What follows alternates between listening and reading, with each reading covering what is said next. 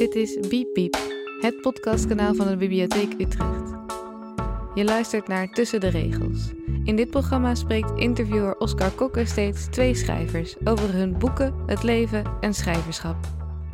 Deze avonden worden opgenomen en door onder andere jullie beluisterd. Welkom Sinan. Hoi. De eerste schrijver die 24 oktober op de bank bij Oscar zat, was Chavon Simpson. Om de hele avond goed te kunnen vatten, is het leuk om die aflevering eerst te beluisteren. Je gaat nu luisteren naar de tweede gast op de bank bij Tussen de Regels, Sinan Chankaya, schrijver van Mijn Ontelbare Identiteiten. Laten we even bij een paar van die identiteiten beginnen. Je bent geboren in Nijmegen, Klopt. nu Amsterdammer, Ja. gepromoveerd in Tilburg, Ja. studeerde in Parijs, Ja. Bradford. Ja. Maar je begon je studie culturele antropologie in, Utrecht. in Utrecht. Ja. Heb, je, heb je hier ook gewoond? Ja, ik heb in uh, Hooggraven gewoond. eh, een jaar lang. Ehm, ja, ik heb in een... Trouwens, ja, ik heb, ik heb in een, in een woning eh, gezeten... eh, waar op zichzelf al gewoon een, een boek over geschreven kan worden. Eh, de huisbaas was een eh, Turkse man. Ehm, en het scheen dat er op de bovenverdieping woonden, de, woonden er een heleboel Bulgaarse Turken. Eh, ongedocumenteerd. En ik eh, zat in een woning met een, eh, een Russisch koppel, een Senegalees koppel, een Somalische jongen. Ik was er en er was één witte Nederlandse jongen die filosofie studeerde hier in Utrecht. En dat was een hele interessante mengeling van mensen en allemaal hele gekke verhalen hadden die mensen. Maar dat was, dat was dus eh, één jaar. En ben je in die tijd heel even Utrechter geweest ook? Ehm, ik heb niet echt een binding met Utrecht. Nee, nee. Want het tweede jaar ben ik naar ehm, Parijs gegaan om daar te studeren. En het derde jaar had ik geen geld meer. Dus toen ben ik terug naar mijn ouders gegaan. En eh, ging ik vanuit Nijmegen naar, naar Utrecht. Dus ik heb hier eigenlijk maar eh, één jaar eh, gestudeerd. Je begon die studie, heb ik me laten vertellen. Je wilde eigenlijk het liefst naar de filmacademie. Dat, Klopt, ja. dat kreeg je niet verkocht aan je ouders, dacht je. Je hebt dat volgens mij ook nooit echt gecheckt. Nee. Ja, dat, dat realiseerde ik me dus eigenlijk recent pas. Ehm, ik, ik wilde heel graag naar de filmacademie. En ehm, ik heb dat niet eens voorgelegd aan mijn ouders. Ehm, omdat ik ervan uitging dat ze het eh, helemaal niks zouden vinden. Eh, want het idee was een beetje dat, dat, dat migrantenkinderen... die gingen dan of eh, rechten studeren, of economie, of geneeskunde. Ehm, en ik had VWO afgerond, dus dat was dan zeg maar mijn route. Ehm, maar ja, ik, ik bedoel, uiteindelijk ben ik antropologie gaan studeren, dus, dus helemaal, helemaal blij met me zijn ze nou ook weer niet. dus had ik achteraf gezien misschien toch wel naar de filmacademie Ja, want, gaan. want als je zegt het, het idee was, zonder het daarover te hebben, Ja. is dat dan, was dat een vooroordeel? Nou ja, goed, kijk, ik, ik weet hoe ze hebben gereageerd op antropologie. Dus ik kom Wat zeiden ze? Nou ja, het- wat is het om mee te beginnen? Die, viel, die vraag wilde ik ook stellen. Dat Ja. komt goed uit. Ja? Ja. En ze hadden geen. Ze, nou ja, mijn moeder heeft op een manier nog steeds geen idee eh, wat ik doe. Ehm, en dat, dat, is, dat is ook Toen je promoveerde en dokter werd genoemd, dacht zij, die, die, werkte in een ik ziekenhuis. huisarts, ja, zij dacht dat ik in een ziekenhuis ging werken. Ja. Dat ik huisarts ging worden. Ehm, en ze heeft nog heel, heel lang, ehm voor mijn derde jaar voor mijn promotietraject, zei ze nog steeds, is je huiswerk al af? Eh, hoe, hoe gaat het met je huiswerk? Ehm, en, en de universiteit werd ook heel lang school genoemd. Eh, dus dat soort zaken.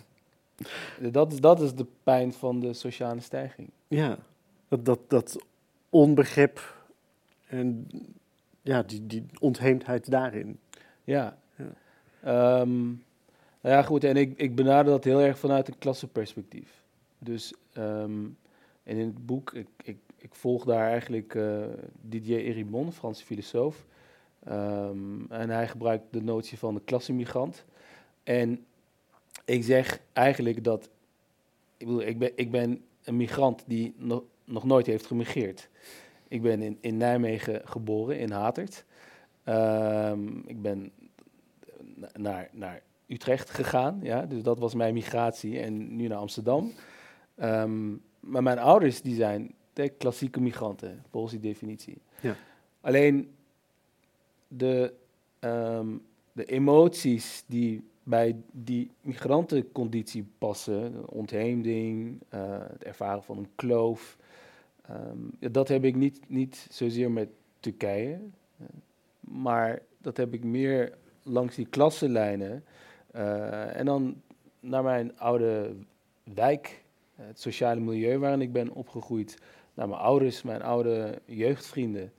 Ehm, en ik zie daar eigenlijk veel meer dat, dat klasse een, een, een grotere werking heeft, of een Mhm. uitwerking heeft dan, dan etniciteit. Ik ga toch nog eventjes één stapje terug naar die Ja. antropologie. Want de vraag van jouw moeder, die wil ik graag ook nog even stellen. Want ik doe altijd wel alsof ik weet wat een antropoloog doet. Maar help me toch eventjes. Kort, kort door de bocht. eh, de antropologie is, een, is, is de studie die eh, het cultuurconcept als hoofdthema heeft. En eh, traditioneel onderzoek heeft gedaan in Azië, Afrika, Latijns-Amerika en daar stammen, inheemse stammen heeft eh, bestudeerd. Ja. Eh, de studie die heeft ook een, een, een link met kolonialisme omdat antropologen ook werden ingezet om kennis te produceren naar dus inheemse volkeren. En die kennis die werd natuurlijk ook ingezet om zeg maar, superieure en inferieure eh, categorieën van mensen te, te creëren. Ja. Ehm, ik had al vrij snel, ik bedoel, hè, ik, dat, dat, dat was een soort onderbuikgevoel eh, toen ik aan de studie begon. Maar ik had wel zoiets van, ja, dit, dit wil ik niet doen. Ehm, dus ik, ik, ehm, ik, ik wilde gewoon die tools gebruiken om naar Nederland te kijken. En uiteindelijk ben ik heel toevallig terechtgekomen bij de politie. Ik bedoel, dat Dat is ook had een stam. ook- en ja, dat heb ik inderdaad als een, als een stam eh, bestudeerd. Met, eigen, met een eigen taal, met eigen gebruiken, praktijken. Ehm, en ehm, ja, daar, daar dus een soort, een soort cultuuranalyse gemaakt van, eh, van de politieorganisatie. Je zei ook ergens, antropologie demonteerde mij. Hoe, hoe demonteerde het jou? Ehm, nou ja, ik, ik ben opgegroeid in een, eh, laten we zeggen, eh, vrij rechts nest. Eh, en dan heb ik het over het politieke spectrum in Turkije. Ehm, en ja, dat vaderlandslievendheid was wel, was wel heel erg belangrijk. En, en, en, Turks nationalisme werd er met de paplepel ingegoten. Ehm, en vervolgens ging ik antropologie studeren. En dan, en dan leer je dat, dat de hele notie van ehm, de, de nazistaat eigenlijk een recente menselijke uitvinding is. Dat, dat rassen niet bestaan. eh, dat talen het product zijn van, eh, van, van leentjebuur. Hè, dus dus ook, eh, ja, ehm, dat, dat, dat- daar zie je ook cut and paste. talen reizen, talen veranderen. Hetzelfde geldt ook voor de nazistaat en, en raciale categorieën. En nou ja, dat elk college zorgde wel een soort voor ontploffingen in, in mijn hoofd. Dat was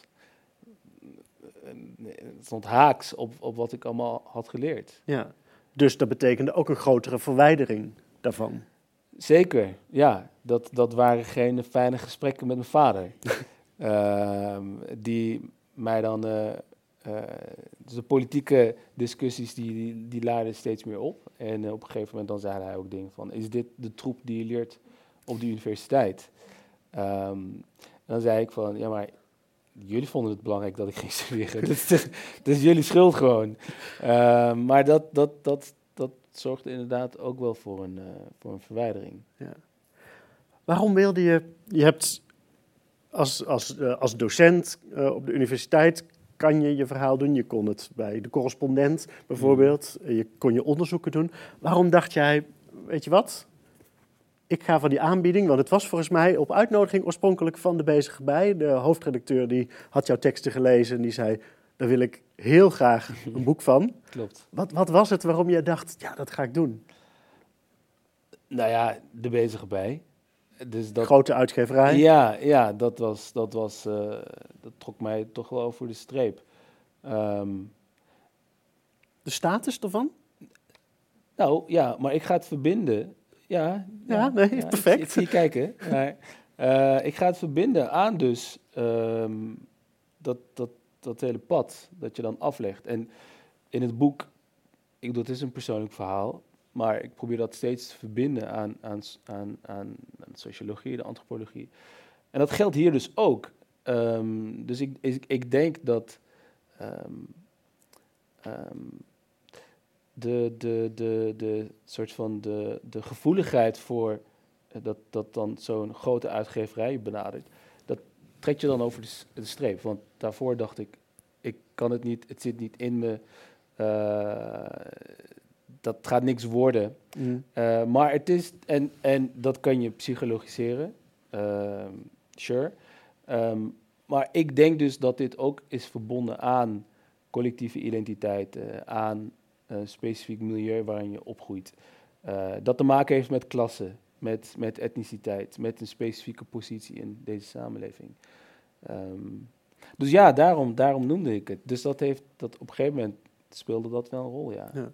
En, en ik, wilde, ik wilde dus, ehm, ik wilde in een andere vorm het verhaal vertellen. Ehm, ja, en, en, en uiteindelijk gewoon, je- denkt dat je iets te vertellen hebt en je wilt een groter publiek. En ehm, mijn wetenschappelijke publicaties, ik bedoel, die zijn oké, maar that's it. Die worden door peers gelezen, door, door een handjevol mensen. Ehm, dus ja, ik, ik wilde vooral in, in de vorm iets anders proberen. Ja. Die vorm die, eh, die is zo dat het. eh, de rode draad is een uitnodiging die jij krijgt. Ja. En je, je zei net, eh, we moeten niet gaan psychologiseren per se, maar de zin die je net uitsprak, dat gaat nooit iets worden.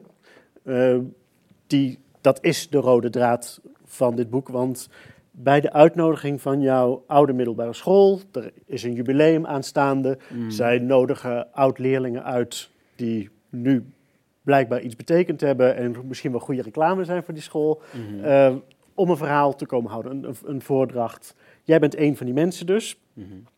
Je krijgt een, een, een uitnodiging om te gaan spreken en jij denkt plotseling terug bij het accepteren van die uitnodiging aan je oud-docent geschiedenis. Ja, Dat is een van de mensen die wel eens zo'n zin heeft uitgesproken, namelijk dat gaat nooit iets worden. precies. Wie, wie, wie was die docent? Eh, dat was Nico Konst. En dat was de eh, voorzitter van het dagelijks bestuur van de Centrumpartij. En uiteindelijk gewoon de tweede man achter Hans Janmaat. Eh, En dan voor het beeld, Hans Janmaat heeft later met hem gebroken omdat hij deze kerel te radicaal Ja, vond. ja. dus dan hebben Ja. we een beetje een plaatje. ja, precies. Ja. Ehm, en in de tijd dat ik, dat ik ehm, les van hem had, was het idee dat hij niet meer politiek actief was. Eh, dus ik, ik ging dan, kreeg nee, 94, 95 volgens mij les van hem. Eh, en, de Centrumpartij kwam in 82 in, in de Tweede Kamer. Ehm, maar dat bleek dus niet zo te zijn, omdat ehm, hij op de achtergrond had hij nog steeds een hele belangrijke rol als adviseur eh, bij het, het, pogingen om het Nederlands blok op te richten. Eh, en dus een equivalent van, van het Vlaamse blok. Ja. En hij schijnt eh, een belangrijke rol eh, te hebben gehad in, in de gesprekken om eh, dat van de grond te krijgen. Dat was hem officieel, volgens mij van hoge rand op school, verboden, ja, voor zover dat kon, eh, om politieke dingen te doen. Ja, Dus het, het, het, het was niet aan de hand, zogenaamd. precies. Ja. Hij gaf geschiedenisles, deed dat heel bevlogen. En ook inspirerend, vond je. Ja, ja, nee, ja, hij, was, hij was de meest populaire, eh, de, een enorm welbespraakte leraar. eh, van, eh, en gewoon heel populair op onze school. En hij heeft ook, mij ook echt wel ehm, een soort, soort liefde voor, voor geschiedenis bij, bij mij weten op te wekken. Dus dat was er ook. Ja. Maar die andere kant was er ook. En ja, aan die andere kant overigens, dat waren gewoon eh, regelmatig antisemitische, seksistische en racistische opmerkingen. En, en, en, en de brug naar wat je zei, hè, het psychologiseren. En kijk, racisme heeft uiteindelijk natuurlijk ook op individueel niveau psychologische effecten. Alleen het, het, het mechanisme zelf is natuurlijk, het, het, het, eh, is een patroon, het is gestructureerd. Uh, het gebeurt op het niveau van collectieven en groepen. Uh, dus dus uh, uiteindelijk gaat het erom, wat is de uitwerking als veel kinderen van migranten, of groepen die worden geracialiseerd, um, um, als zij dus steeds te horen krijgen, nou ja, wat ik hoorde net ook, hè, je bent niet mooi, je hebt het niet in je, je bent niet intelligent genoeg, en, enzovoorts, enzovoorts. En, en daar gaat het natuurlijk om. Um, het gaat dan eigenlijk om de psychologische effecten weer, wederom op collectief niveau. Ja. Wat dat, interpreteer ik, voor psychologisch effect heeft, blijkt uit jouw reactie vervolgens op die uitnodiging. Je besluit na veel wikken en wegen en een poosje je kop in het zand steken, want als je niet reageert, dan verdwijnt een uitnodiging hopelijk. Ja. Um, dat is vermijding. je reageert toch. En jouw vraag aan degene die jou uitnodigt is: uh, wat willen jullie dat ik zeg? Ja. ja. En dat lijkt me. Dat heb ik ook echt gezegd. Dat is geen soort van literair trucje of zo. Um, ja. Maar dat, dat nou ja, het, het, het is een verrassende, spannende, kwetsbare vraag. Zo kan je hem interpreteren. Mm. Maar het heeft ook alles in zich van dienstbaarheid. Van Zeker, ja. vertellen jullie maar wie ik moet zijn. Ja. Dat is precies dat. Alle identiteiten wil je aannemen. Of zou je kunnen aannemen als het moet. Ja. Door en door getraind om dat te doen. Ja, dienstbaar, dienstbaarheid en, uh, en ook een soort van dankbaarheid. Ja, dat, uh, dat is het inderdaad. Um, dankbaarheid? Uh, ja, ook, ook naar de school toe. Um, omdat je... Kijk, ik ben ook opgegroeid in, in, in ouders, die, die zijn ook heel erg gevoelig voor gezag. Gezaghebbende figuren. Niet alleen politie, maar dus ook zeker leraren, docenten.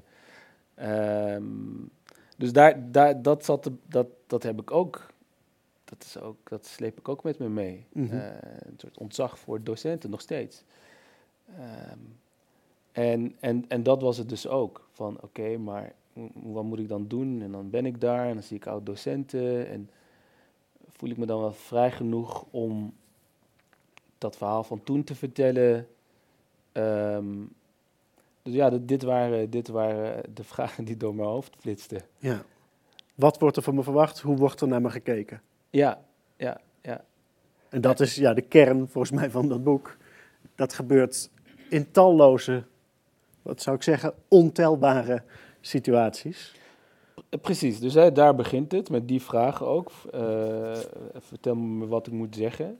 En uiteindelijk is het boek de speech. En um, gaat het om de, om de spanning van de, aan de ene kant uh, jezelf definiëren, de zelfdefinitie, aan het, en aan de andere kant het telkens gelabeld en geëtiketteerd worden. Uh, en het geweld ook van die labeling en etikettering. Um, dus dat zit, dat zit op een bepaalde manier is die spanning er altijd. En leg eens uit het geweld van de etikettering. Ja, als ik dan het uh, meest voor de hand liggende voorbeeld geef vanuit mijn onderzoek, uh, etnisch profileren. Ja, we hebben dus te maken met bureaucraten, dat, dat zijn agenten, ambtenaren, die in hun dagelijkse praktijken uh, uiterlijkheden, ras, raciale categorieën, relevant maken. En, en, en um, mensen stoppen dus, dus mensen worden ook nog eens gehinderd in hun uh, bewegingsvrijheid, mobiliteit. En ja, de gevolgen daarvan die zijn wederom enorm groot. Ik bedoel, dat, dat weten we ook. Um, gevoelens van thuishoren, binding, loyaliteit met de ontvangende samenleving, vertrouwen in, in het instituut, nou, enzovoorts, enzovoorts, enzovoorts. Um, maar ja, dit is gewoon, je hebt daar te maken met, met een, gewoon een bijna letterlijke gestopt worden. Gestopt worden en, en ingrijpen ja. uh, in, je, in je zelfbeeld. Of op, op je zelfbeeld. Ehm, maar ik bedoel, het, een hele reeks aan voorbeelden van, van de subtiele opmerkingen van eh, het wordt nooit wat met je, tot aan dat voorbeeld. Ja. Of tot aan hè, het uh, in extremis een agent die uh, zijn knie op iemands leg, nek legt. Um, de meest extreme uitwerking daarvan. Ja. Ik zat te denken wat er, wat er in die vraag, wat wil je dat ik zeg? De, de chameleon die je kan zijn, die je soms bereid bent om te zijn, soms ook totaal niet. Mm. Um, daar zit, voel ik dan ook natuurlijk een terechte angst voor confrontatie. Ik denk, ik, ik, ga, ik, ga, het niet, ik ga niet altijd op de botsing aansturen. Ja.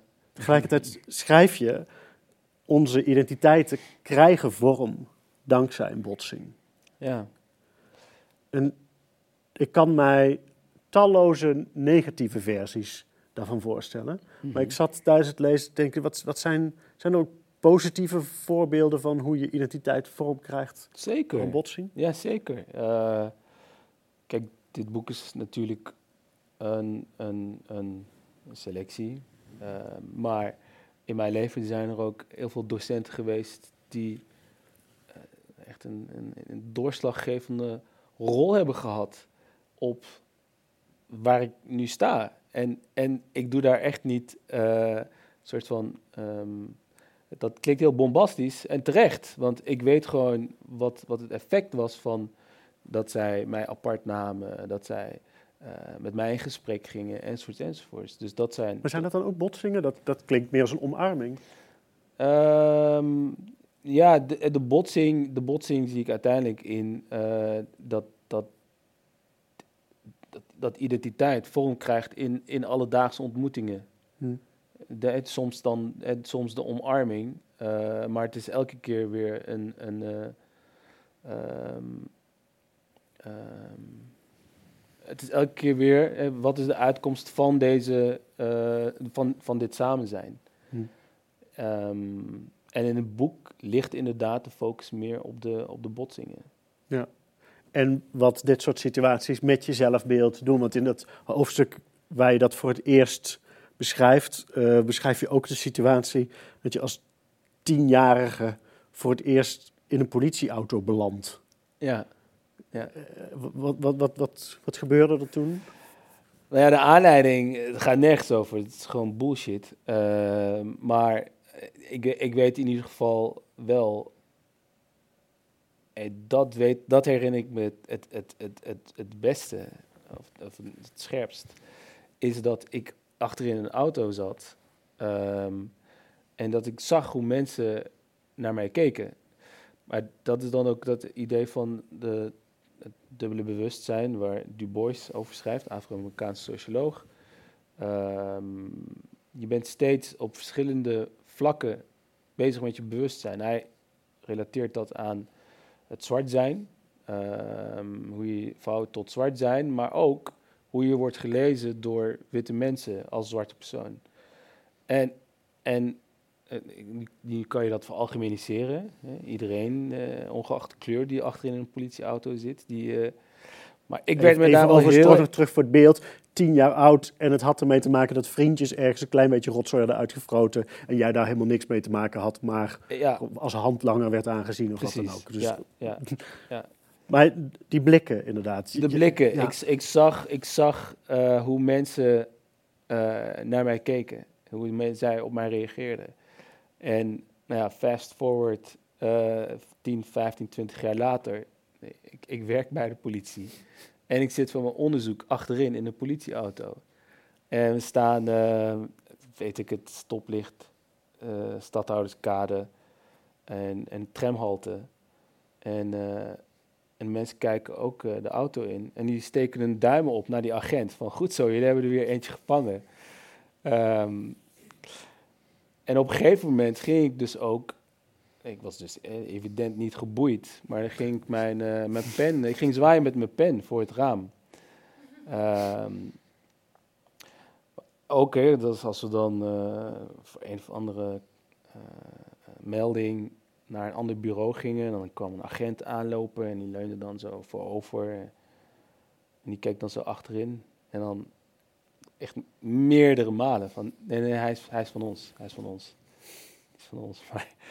ja, dus dat, dat, en kijk, als je het over blikken hebt, dan, dan heb je heel snel sowieso in het publieke debat het verwijt van, ja, maar ja, dat is eh, weinig objectief. En, uh, maar ik denk dat iedereen op een bepaalde manier, de, de objectivering, uh, vrouwen die kunnen daarvan het vrouw zijn misschien op een bepaalde manier aan relateren.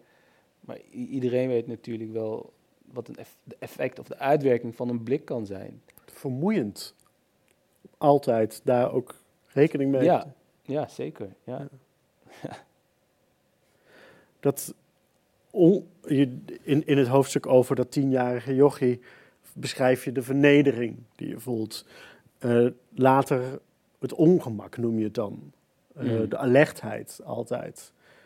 En op een gegeven moment, wat ik fijn vind aan het boek, het, het begint beschrijvend, beschrijvend, beschrijvend en het wordt links filijnig en, en ergens ook activistischer. In ieder geval, uh, op een gegeven moment komt het, het, het, statement, dat ongemak wat je nu al zoveel pagina's dan mij als lezer hebt laten voelen. Mm. Je zegt, eigenlijk in een maatschappij zou het niet zo moeten zijn dat er één groep is, of een minderheid die zich ongemakkelijk voelt. Eigenlijk zou je in de maatschappij, iedereen zou ongemak moeten voelen. Dat zou eerlijker zijn.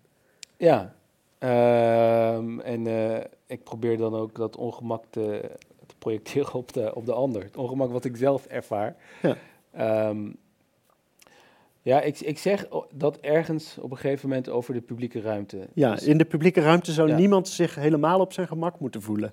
Dat zou namelijk wijzen op een onrechtvaardig samenvallen van het publieke leven, de moraal en de esthetiek met bepaalde groepen. Ja, ja, ja dat vind ik nog steeds. Ja, dat mag uh, ik eh, hopen. um, ja, dat, volgens, mij, volgens mij zou het, het, het andere zou namelijk impliceren uh, dat de machtsverhoudingen in de publieke ruimte dus inderdaad uh, bij de dominante groepen in het voordeel zijn van. Ja. ja um, en, en, en wederom, ik, ik, ik, ik, ga ervan uit dat de publieke ruimte ook gegenderd is, geracialiseerd. Uh, ja, denk wederom aan etnisch profileren, of net werd uh, catcalling genoemd. Um, dus het, de publieke ruimte is al niet voor iedereen op, op, op zeg maar, gelijke mate toegankelijk. En wederom, uh, ik heb het hier niet in absolute zin. Je kan, je kan de publieke ruimte betreden. En zo overigens niet alle ruimte. Want je hebt fysieke omheiningen enzovoort enzovoort. Um, alleen, um, ik, grijp hier, denk, ik grijp hier ook terug op het werk van de socioloog Simmel. En het idee is dus dat je in, in, in, de, in de stad ook in uh, in het publieke dat je, dat je vreemdeling bent. Dus dat er voldoende uh, anonimiteit is, maar tegelijkertijd ook voldoende publieke familiariteit en, en vertrouwdheid. Hmm.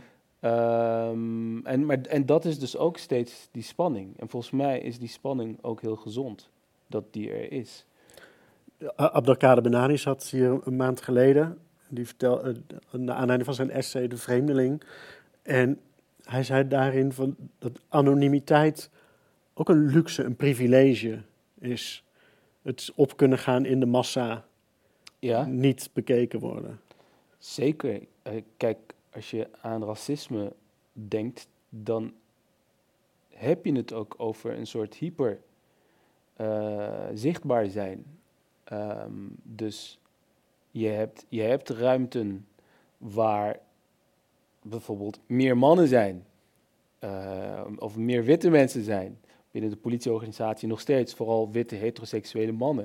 De historie zo ontstaan en gegroeid, het verandert, et cetera, et cetera. Alleen, maar dat, maar dat is het dus. Het is ook die, die zichtbaarheid uh, die maakt dat iemand uh, buiten de boot valt of extra aandacht krijgt enzovoort. enzovoort. Dus, dus op een bepaalde manier is anonimiteit inderdaad wel een privilege. Hoe kunnen we dan, wa- wa- wa- waardoor we hierop kwamen was dat... dat En, en, en trouwens, ehm, het, het, ja goed, het privilege ook dat je als, als, eh, als een. Als een ehm, er is, een gek spel tussen aan de ene kant als individu gezien worden, maar tegelijkertijd dus ook bij de norm horen, waardoor je dus ook onzichtbaar wordt. dat, dat ongemak, wat niet bij maar één groep zou mogen liggen, maar eigenlijk zou iedereen zich een beetje ongemakkelijk moeten voelen. Hoe zouden we dat kunnen bereiken? Eh, nou ja, dat, dat gebeurt volgens mij nu ook volop. Ehm, kijk, ik, ik heb het ook over concrete zaken. Hè? Dus Zwarte Piet is een concreet symbool in de publieke ruimte waar nu een sociale strijd over gaande is. En dit, ga- dit gaat om hele concrete zaken. Het gaat ook om bijvoorbeeld eh, een rol van het openbaar bestuur. eh, die eh, subsidies verschaft aan eh, partijen eh, moet, het, moet het openbaar bestuur dat fin- financieren? Ehm, maar het gaat ook over hele eh, reële vraag van, oké, wat moet je met dit soort symbolen in de publieke ruimte? Het gaat ook over wat recent de beeldenstorm werd genoemd. eh, en koloniale figuren. Eh, Mhm. en, en die werden get- ge- getoppeld. Ehm, dus het is al gaande. Eh, het ongemak is er al. En ik, ik, ik vind dat voor de duidelijkheid een hele vruchtbare, eh, goede ontwikkeling. Er is, er is een idee dat, dat hè, op het moment dat bijvoorbeeld anti- antiracismebeweging een soort van sterker werd, ook het, het- ook het begrip polarisatie ineens in zwang raakte, eh, is dat een hele gekke manier om eh, een legitieme sociale strijd te, illegitiem te maken eigenlijk. Vanuit het idee van eh, sociale cohesie en, en Ja. harmonie enzovoorts enzovoorts. Alleen, Want hallo, nou voelen de witte mensen zich ongemakkelijk, dat moeten we niet hebben, precies. toch? Ja, precies. Je zei volgens mij in, de, in eh, is een prachtige podcast die je met Misha Blok eh, hebt mogen opnemen. Is twee dagen geleden online gekomen. En daarin sprak je de zin uit, eh, verzet je, het was een oproep, verzet je door ongezellig te doen. Ja, En dit in het kader van de micro-revoluties die je voorstaat. klopt, ja. ja. ja dus die microrevoluties, dat, die zijn in ieder geval... Dat is een, dat is een term waar ik al langer mee eh, jong leer. Eh, en het idee is om in ieder geval te kijken wat je invloedssfeer is als individu. Ehm, dus hoe kun je terugduwen? Uiteindelijk ben ik voor de revolutie met hoofdletters en collectieve actie. Ehm, want ik, ik ben ook gewoon heel kritisch op dus steeds maar weer het individualiseren van grotere maatschappelijke problemen. Ehm, maar maar, maar eh, ik, ik, mijn insteek met re- microrevoluties is veel meer eh, verantwoordelijkheid en ook verantwoording eh, nemen over jezelf en, en de ander. En telkens bij jezelf te raden gaan van wat is mijn invloedssfeer en wat kan ik doen. Ehm, want ik vind, ik vind zeg maar, het, het alternatief vind ik ook niet, word ik ook niet heel erg blij van. Want daar is al genoeg van. Dat is onverschilligheid of eh, het defetisme, het gevoel dat je niks kan doen als individu. Eh, En voor een groot deel klopt dat ook. Maar ik, ik vind wel die, de, de exercitie om, eh, om, om na te gaan wat, waar je kunt duwen en, en waar je kunt drukken, dat, dat vind ik wel een belangrijke. En het pleidooi is dan inderdaad, eh verstoor de normale gang van zaken en, en verzet je zo nodig door ongezellig te doen. Dus ja, ongemak kan productief zijn. Het is een, eh, een boek geworden waar dat ongemak in zit, waar eh, de ingewikkelde vragen worden gesteld, waar het venijn bijna letterlijk in de staart zit. Ehm, en een boek dat, ja, de titel draagt mijn ontelbare identiteiten, maar zelfs als medium heel erg wisselt tussen identiteiten. Achterop wordt het eh, je literair debuut genoemd. Ja. Tegelijkertijd is het een essay, is het amper fictie. Misschien op één of twee namen die je veranderd hebt. Mhm. Maar het, Mm. het lijkt voornamelijk eh, non-fictie. Ja. Dus zelfs het ongrijpbare heb je in het boek weten te stoppen, maar daarmee wel een, een heel krachtig pleidooi om nogmaals de ongezellige vragen te stellen, om je niet neer te leggen bij de status quo en eh, om micro-revoluties te ontketenen. Ehm, ik was tot slot nog wel benieuwd aan het begin, wanneer die uitnodiging komt, en jij hen vraagt: wat wil je, wat willen jullie dat ik zeg? Mhm. Heb je uiteindelijk in die toespraak op die oude middelbare school gezegd wat zij graag wilden horen? Nee, nee, nee. Nee, nee ehm, dus de meest onwaarschijnlijke eh, gebeurtenissen in het, in het boek, die zijn echt gebeurd. En ik heb wel vrijheid genomen om, eh, nou ja goed, het is eigenlijk standaard, om eh, situaties aan elkaar te schrijven enzovoorts enzovoorts. Maar Nico Konst was aanwezig op die bijeenkomst. Ehm, er was een voorval vooraf in de garderobe. Eh, dat, was, dat was een onbewaakte garderobe. En hij, eh, hij, hij keek mij, zijn, zijn vrienden, zijn matties, die zeiden... Volgens mij moeten we onze jassen hier eh, ophangen. En toen keek hij mij recht in de ogen aan en toen zei hij... Ja, ja, maar eh, zijn hier, misschien zijn hier wel onbetamelijke mensen op afgekomen. En toen, toen dat gaf de doorslag, als er nog enige twijfel was... Uh, maar ik, eh, ik, heb, ik, heb, uh, ik heb hem aangesproken uh, in de zaal.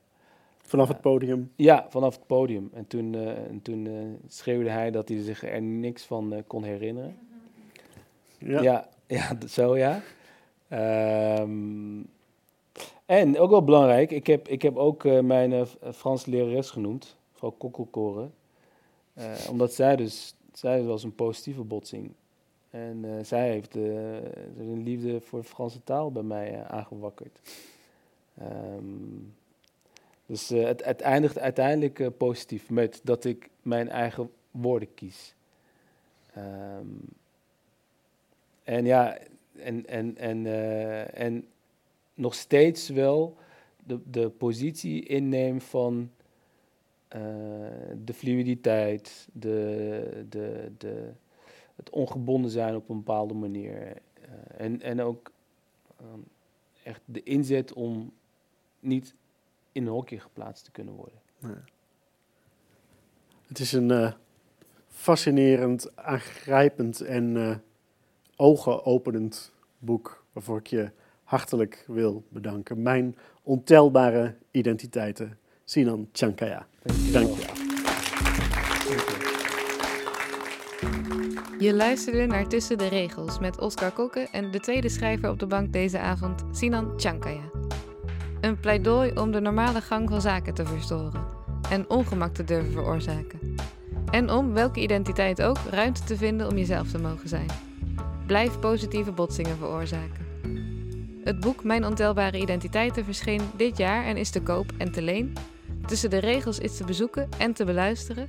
En wij horen en zien je graag snel weer.